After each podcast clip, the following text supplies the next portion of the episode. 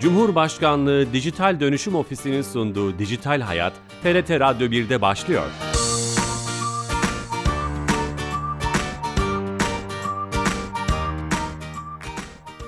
Herkese merhaba, ben Bilal Eren. Teknoloji ve dijitalleşmenin hayatlarımızı etkilerini ele aldığımız Dijital Hayat programımıza hoş geldiniz. Bu cuma olduğu, her cuma olduğu gibi bugün de TRT Radyo 1 stüdyolarından kulaklarınıza misafir olmaya devam ediyoruz. Bugün e, önemli bir konuyu konuşacağız. Enerjiye olan ihtiyacın giderek arttığı günümüzde yeni çözümlerden biri olarak gösterilen rüzgar enerjisinden hidrojen üretimini konuşacağız. Bu dikey konuda konuğumuz Hidrojen Teknolojileri Derneği Başkanı Profesör Doktor İbrahim Dinçer hocamız olacak. Kendisi Kanada'dan telefonla yayınımıza bağlanacak. Ama öncesinde her hafta olduğu gibi kamunun tüm hizmetlerini dijitalleştirerek bizlere sunan e, Türkiye Gov.tr'den bir hizmeti Dijital Türkiye ekibinden Ayşe Torun'dan dinleyeceğiz. Ayşe Hanım telefon attığımızda. Ayşe Hanım. Bilal Bey iyi yayınlar. Hoş geldiniz yayınımıza. Teşekkür ederim. Söz sizde efendim. Teşekkürler Bilal Bey. Ee, bu hafta e, böyle çok büyük, e, çok ciddi elektronik dönüşümlü bir hizmetten falan bahsetmeyeceğim ben size. Tamam. Ee, gene e, geçmişte de bahsetmiştik. Ee, bizim için önemli bir şey dünyanın geleceği, çevre bilinci.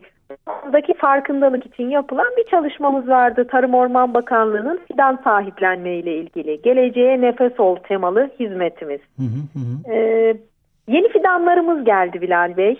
Ee, şu an Çevre e, Çevre Bakanlığı, Tarım Bakanlığı yeni fidan dikimine başlayacak ve bu dikimler kapsamında e, farkındalık amacıyla e, kişileri e, fidan sahiplenmeye ve sertifika oluşturmaya bekliyoruz devlet kapısından. Bu nasıl olacak süreci? E, devlet bizim adımıza e, bir fidan mı dikecek? Oraya ismimizi Aynen öyle oluyor. Lazım? Biliyorsunuz e, çevre bilincini oluşturmak adına birçok e, hani sosyal yardım kuruluşu ya da buna benzer kurum ve kuruluşlar bu tip çalışmalar yapıyor. Şimdi devlet bunu ücretsiz olarak kendisi yapıyor ama farkındalık amacıyla vatandaşlarımızı kendi adlarına dikilmiş olan fidanları sahiplenmeye çağırıyor. Hatta bir de e, görsel olarak hani onlara bunu hatırlatmak adına birer sertifika da oluşturuyor. Size devlet kapısına giriş yapıp bu hizmeti kullandığınızda ki bugün akşam itibariyle Yeni fidanlar e, devlet kapısında artık yerlerini almaya başlayacaklar.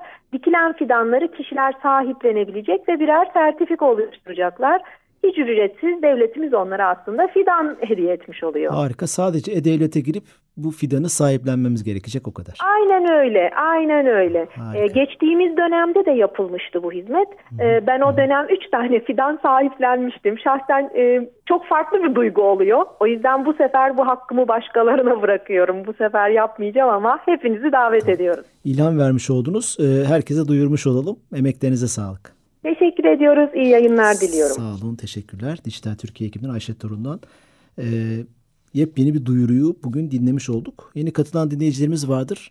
Ee, hidrojen, rüzgar enerjisinden hidrojen üretimini konuşacağız. Ee, e, günümüzün enerji ihtiyacının hat safhada olduğu e, zamanlardan geçiyoruz. Bu çok kıymetli yeni bir teknoloji. Kanada'dan e, hocamız katılıyor. Profesör Doktor, Doktor İbrahim Dinçer hocamız. Hocam Merhabalar. Hoş geldiniz yayınımıza. Teşekkürler, teşekkürler. Davet için de e, teşekkürler. Sağ olun hocam. Sanırım orada sabah saatleri sizi erken kal kaldırmadık evet, umarım. E, yedi buçuk civarı burada. Harika hocam. Günaydın diyelim o zaman size. Ee, ho hocam biz daha önceki programlarımızda yenilebilir enerjiyle ilgili konuları işlemiştik. Rüzgar enerjisi e, gibi, e, güneş enerjisi gibi. Burada iki tane farklı enerjinin aslında birbirleriyle örtüşmesi gibi yepyeni bir şey var. E, böyle bir şeye neden ihtiyaç var sorusuyla başlamak doğru olur mu? E, sadece rüzgar enerjisi bizim enerji ihtiyacımızı karşılamada yetersiz mi kalıyor? Neden hidrojen enerjisi ne ihtiyaç duyuluyor? Buradan başlayalım isterseniz. Tabii ki e, başlayalım. Şöyle bakmak gerekiyor aslında enerji çözümlerinde öne çıkanlar neler?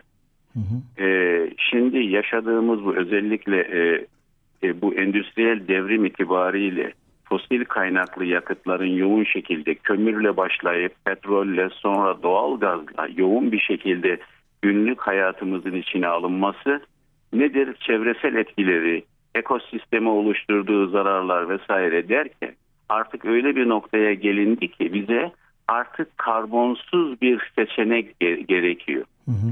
Bu karbonsuz seçenek de bakıldığı zaman nedir? Hidrojen. Hidrojenin karbon içeriği yok. Dolayısıyla bunu yaktığınız zaman ne çıkıyor? Su buharı çıkıyor sadece.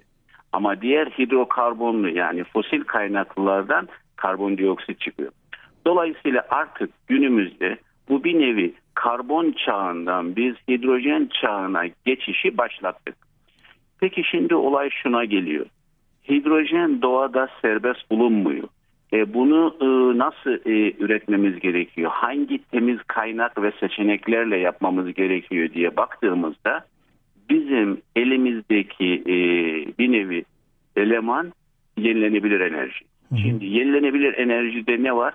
Güneşinden rüzgarına, jeotermalinden biyokütlesine e, kadar seçeneklerimiz söz konusu. Dolayısıyla bizim bu noktada yapmamız gereken yenilenebilir enerji kaynaklarını kullanarak hidrojene gitmemiz. Yani enerji denklemi aslında şu anda dünyada kurulan denklem bunun üzerine kurulmakta. Peki hocam buna da bu, burada temiz hidrojen veya yeşil hidrojen denilmekte. Yeşil hidrojen. Burada şunu soracağım. Yenilenebilir enerji öncesi hidrojen teknolojileri enerjisi kullanılıyor. Sudan mı üretiliyor sadece? Su kaynaklarından. Hayır onu şöyle e, bakıldığı zaman bizim şu anda bile mesela e, sektörde birçok özellikle petrokimya e, e, diyelim uygulamalarından tutun birçok sektörde hidrojen ihtiyacı var. Bu temel itibariyle şöyle fosil kaynaklı yakıtlardan geliyor. Yaklaşık yüzde ellisi bunun e, doğal gazdan, geri kalan işte e, yüzde diyelim e, 25'i kömürden, işte geri kalan işte yüzde e, yirmisi e, petrol filan derken hı hı. işte sadece bir yüzde beşlik kısım da işte bu elektrik kullanarak elektroliz işlemini gerçekleştirme yoluyla elde edilmekte. Yani bir nevi günümüzdeki şey bu. Ama eğer biz bunu fosil kaynaklı yakıtlardan elde edip kullanıyorsak bakıldığı zaman yine bizim çevresel e, etkilerimiz yine orada. Çevresel etkileri tamamen kaldırmamış oluyoruz. Doğru. Her ne kadar son kullanımda hidrojen var ama ama ömür çevrimine bakıldığı zaman sizin çevresel etkileriniz yine orada. Dolayısıyla bizim buradan fosil kaynaklardan kendimizi sıyırıp yenilenebilir enerjiye, yenilenebilir enerjiyi de kullanarak suyun hidrojene ve oksijene ayrıştırılması. Dolayısıyla bizim temel hedef noktamız veya e, enerji denkleminin kuruluş boyutu bu. Hidrojen enerjisinin üretilmesi için e, başka bir enerji kaynağına ihtiyaç var. Bundan önce karbon evet, evet ve çevreye zararlı e, madenler kullanıyoruz veya enerji kaynakları. Şimdi yenilenebilir enerjiyi bunun için aslında ideal çözüm gibi görünüyor. Evet. Dolayısıyla yenilenebilir Bu, rüzgar, güneş gibi e, enerji kaynakları hidrojen enerjisi için iyi bir üretim kaynağı. Böyle açıklayabilir miyiz hocam? Evet, şöyle e, söyleyebiliriz. Bu denklemde aynen başlangıçta söylediğiniz gibi hidrojeni üretmek için bir başka enerji kaynağına veya seçeneğine ihtiyaç var. Hı hı. Şimdi burada adres neresi? Adres yenilenebilir enerji. Yenilenebilir enerji kaynaklarını güneşinden rüzgarına, jeotermalinden biyokütlesine kadar kullanarak dolayısıyla buradan nedir? E, hidrojene gitmek. Şimdi e, hidrojen, hidrojen e, boyutu enerji denkleminde çok önemli. Dünya şimdi bu karbon çağından hidrojen çağına e, geçiyor. Bu aynı zamanda Türkiye için çok çok kritik. Çok önemli. Niçin kritik? Türkiye karbon çağında dışarıya bağımlıydı. Niye? Bu fosil kaynaklı veya hidrokarbon kaynaklarından dolayı. Ama eğer şu anda biz bakarsak Türkiye e, ölçeğindeki kaynaklarımıza, yenilenebilir enerji kaynaklarımıza biz toplamda Avrupa'da birinci, e, bu bu büyük bir e, imkan. E, bizim aynı zamanda su kaynaklarımız da söz konusu mu? E, söz konusu. O zaman biz bunu katma değere dönüştürüp karbon çağında sıkıntı yaşayan, dışarıya bağımlı olan bir ülkeyi biz nereye dönüştürebiliriz?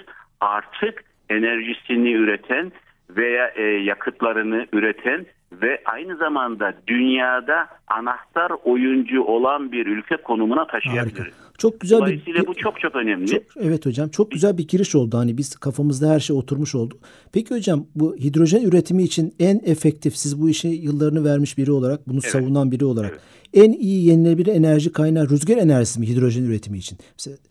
E, şimdi şöyle bakacağız. Tabii ki e, rüzgar burada çok kritik ve önemli ama bunun yanında e, e, güneş enerjisi de bunlar özellikle teknolojik boyutların ulaştığı seviyelerle ilişkili. Hı hı. Niye? Günün sonunda elektriği en ucuz hangi kaynakla yöntemli elde ediyorsunuz? Şimdi bakıldığı zaman özellikle neler öne çıkıyor? Güneş ve rüzgar öne çıkıyor. Mesela şimdi diyelim bu fotovoltaikli sistemlerle nedir? Elektriğini üretiyorsunuz. Ürettiğiniz elektrikte kilowatt saat 2 dolar sentlere kadar inmiş durumda. E şimdi rüzgarda bu 3,5 e, sentlere kadar inmiş durumda. Dolayısıyla bakıldığı zaman bu ülkelerin hangi kaynaklara, hangi boyutlarda sahip olduğuyla ilişkili bir soru. Dolayısıyla ama denklem yenilenebilir enerjiyi gerektiriyor ve bizim buradan hidrojeni üretip hidrojeni birçok sektörde kullanmamız. Şimdi bir şuna da açıklık getireyim. Hidrojeni şöyle e, sadece izleyiciler veya e, dinleyiciler bunu sadece yakıt olarak kullanma gibi görmesinler. Hidrojen bir e, yakıt olarak kullanılabilir. Onun yanında hidrojeni bir e, enerji taşıyıcısı olarak düşünebiliriz. Mesela nedir? İhtiyaç fazlası elektriğimiz söz konusu. Biz elektrik elektrikten nedir ihtiyaç fazlasında depolama yapma yerine hidrojeni üretiriz. Hidrojeni bu sefer depolayıp istediğimiz sektörde kullanabiliriz. Hmm. Ama ondan çok daha önemlisi e, Bilal Bey şu olacak e, ham madde olarak e, hidrojenin üret, e, üretilip çünkü niye? Düşününüz ki biz e, içinde bulunduğumuz bu e, karbon çağında hidrokarbon e, yakıtlar üzerinden biz birçok kimyasalımızı ve yakıtımızı üretiyorduk. Önümüzdeki süreçlerde bunu kimin üzerinden yapacağız? Hidrojenin Hidrojen üzerinden yapacağız. Dolayısıyla burada hidrojen o kadar önemli bir meta ki onu şöyle de görebiliyoruz. Mesela Avrupa ülkelerini ele alalım. Almanya mesela hemen birçok ülkelerle e, hemen e, anlaşmalar yaptı. Bir anlaşmalarından bir tanesi şu Avustralya ile. Ne yaptı? 5 milyon ton karşılığında 50 milyar dolarlık bir anlaşma. Düşünebiliyor musunuz? Biz mesela satıyor mu alıyor mu hocam? Sa- satacak mı alacak mı? Alacak, alacak, alacak. Almanya Almanya'nın şöyle bakıldığı zaman yüksek miktarda hidrojene ihtiyacı var. Bunu yaparken sadece Avustralya ile yapmadı. Kanada ile anlaşma yaptı. Peki Yine onlar o, bu, çok güzel bir şey hocam. Onların onlar bunu nasıl üretiyor? Avustralya'nın ne avantajı var? Açık alanda olması mı denizlere vesaire? Tabii şimdi şöyle düşün, düşününüz ki e, e, önümüzdeki süreçlerde petrolün yerini veya diyelim fosil kaynakların yerini kim alacak? Hidrojen alacak. Tamam. Ve o zaman şimdi bu ülkeler oturuyor, kendi hesaplarını yapıyor. Nedir bu? Bütün sektörleri dönüştürecekler. Bu dönüşüm şu an itibariyle başlamış durumda. Ve bunu nereye taşıyacaklar? 2050 Türkiye için 2053'e kadar niye? Karbon nötr olma e, konumuna getirecekler ülkeleri. O dolayısıyla bu bakıldığı zaman bu denklemi çözerken bu denklem hidrojensiz çözül, çözülemiyor. Şunu merak ediyorum İbrahim Hocam.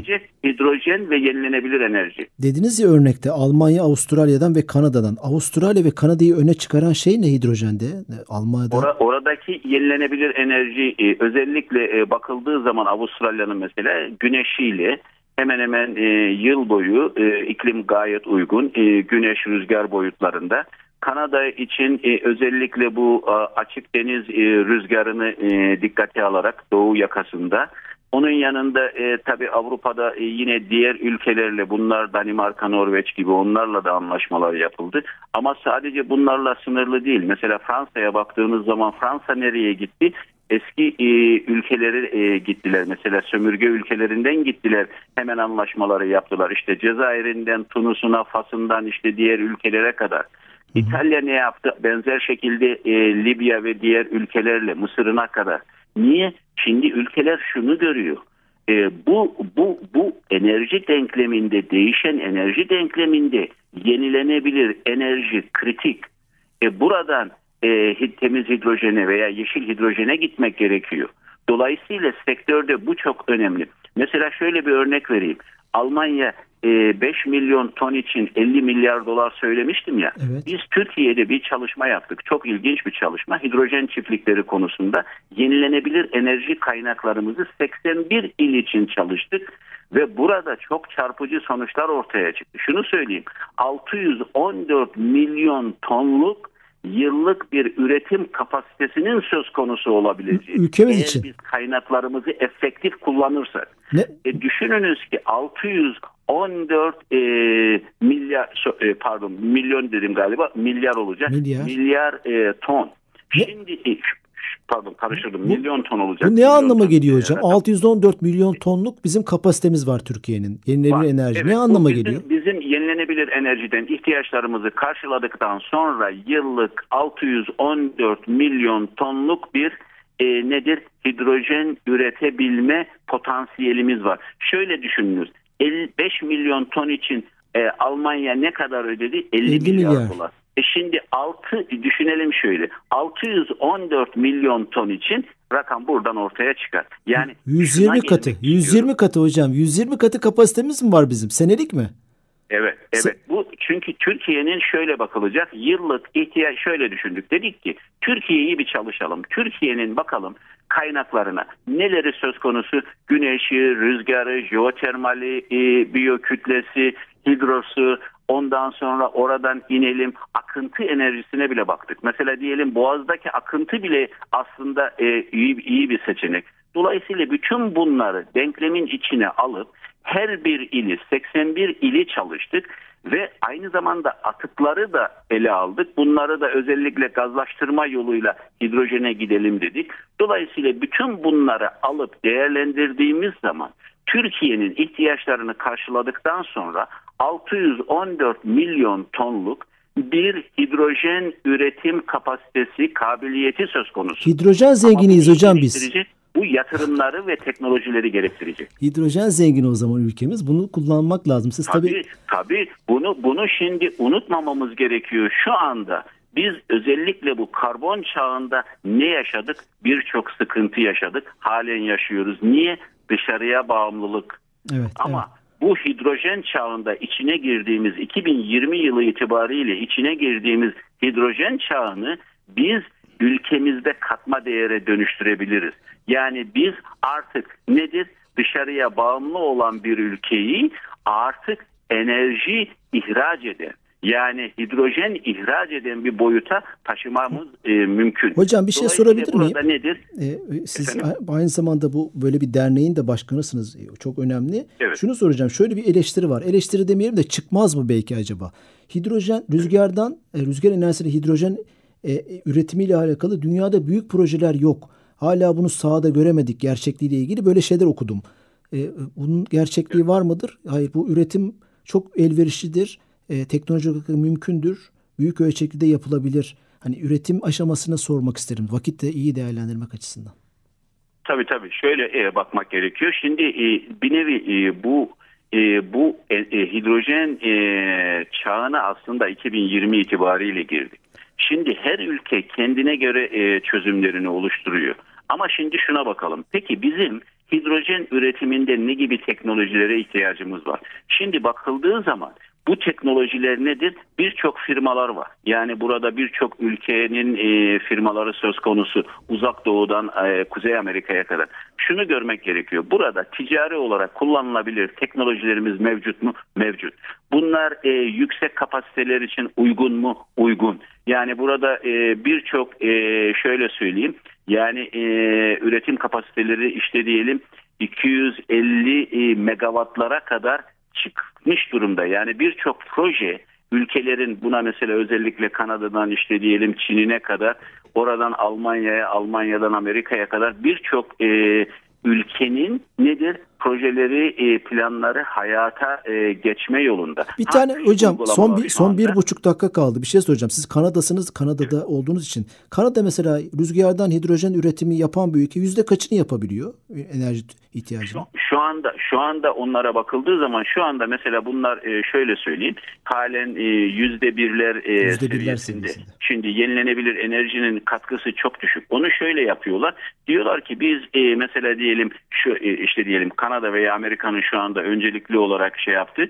Biz yeşil e, hidrojen yerine öncelikle şöyle yapalım.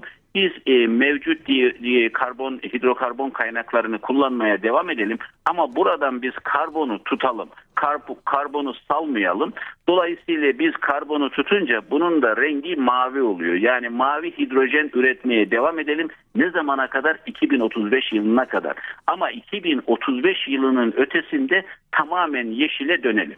Yani şu anda yol haritalarına bakıldığı zaman aslında bir nevi şunu görüyoruz. 2035'lere kadar hemen hemen birçok ülkenin buna yönelik şeysi var. Tamam. Nedir? Burada karbonu e, tutarak, bu karbon capturing yaparak nedir? Bir nevi e, rengini maviye dönüştürüp yani bu griden veya siyahtan maviye dönüştürüp oradan o şekilde nedir? Dışarıya Hocam süremizin sonuna geldik salmak. İbrahim hocam. Programı bitirmek zorundayım. Maalesef süremiz bitti. 3 saat kadar konuşmamız lazım bu konuyu ama ana çerçeveyle Kesinlikle şey yapmış buna, olduk. e, El- daha uzun bir evet, program evet. mı ayarlamak Aynen, gerekiyor aynen öyle. şekilde? Aynen, aynen hocam. Enerji- Teşekkür enerji- ederiz. Hidrojen ve enerji denklemini gerçekten anlatmak gerekiyor. Evet hocam. Bu, bu hidrojen çağını hepimizin bilmesi gerekir. Hocam. E, Türkiye için çok kritik ve önemli bir e, süreçteyiz. Sağ- Yani sağ olun hocam. Türkiye İbrahim büyük hocam. bir katma değer oluşturabilir. Programı bitirmek üzereyim. Şeref verdiniz. Teşekkür ederim. Sağ olun hocam. Kolay gelsin. teşekkür ederim. Bu programımızın kaydını yarına itibaren YouTube ve podcast kanallarımızda bulabilirsiniz. İyi hafta sonları. Hoşçakalın.